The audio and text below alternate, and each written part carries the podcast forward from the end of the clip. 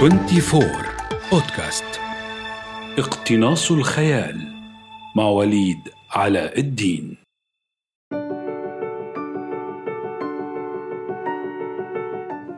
إذا كان العقل والخيال ليس عضوين في الجسد إنما عمليتان تستخدم كل منهما أعضاء الجسد في سلسلة من الإجراءات لتشغيل وظائف متتابعة يتحقق معها الهدف فإن أداة العقل والخيال الأساسية هي القراءة.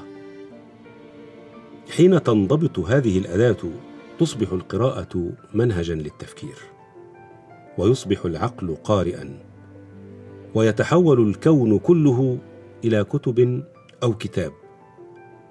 وبقدر ما تعمل هذه الصيغة عند المرء بقدر ما يتحول إلى مثقف بالمعنى الذي أوضحناه في الحلقة السابقة. هدفنا أن تكون القراءة منهجا للتفكير ومدخلا لصنع العقل وتخصيب الخيال. هذا بودكاست اقتناص الخيال من 24 ومعكم وليد علاء الدين. المنهج أو المنهاج ليس مجرد الطريق ولكن الطريق الذي يقصد لمعرفة آخره فيلزم لقطعه بذل الجهد والصبر والالتزام. ومنهاج طريق واضح ومنهاج وسيلة محددة توصل إلى غاية معينة.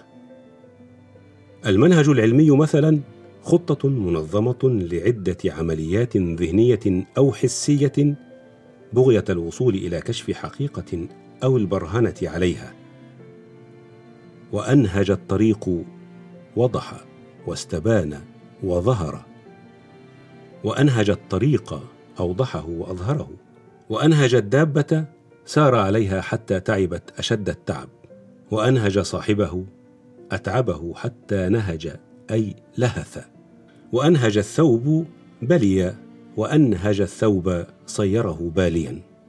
وكأني معكم أمام العبارة الدارجة بفصاحتها التي تقول جاب آخره. ويمكنكم نطقها جاب آخره أي وصل إلى آخر نقطة في أمر أو شأن ما فأصبح خبيرا به عليما بحدوده وإمكاناته. هذا ما نقصده ونتمسك به من دلالات كلمة منهج. فما التفكير؟ الفكرة الصورة الذهنية لأمر ما وفكر في الأمر أعمل العقل فيه ورتب بعض ما يعلم ليصل به إلى مجهول. وفكر في الأمر أي تفكر فيه تأمله أعمل العقل فيه ليصل إلى نتيجة أو حل أو قرار. والفكر إعمال العقل في المعلوم للوصول إلى معرفة مجهول. تعالوا نحصد ثمار الجولة. المنهج طريق نتبعه بغية الوصول إلى هدف معلوم والتفكير إعمال العقل في المعلوم لمعرفة ما لم يكن معلوما. والكتاب كما قلنا من قبل كل مصدر بيانات يحتوي على معنى أو يقصد معنى أو يؤدي إلى معنى. والقراءة كما كررنا مرارا هي تتبع الأجزاء في محاولة للوصول إلى المعنى. هل اتضحت الحكاية؟ القراءة في أصل معناها منهج تفكير.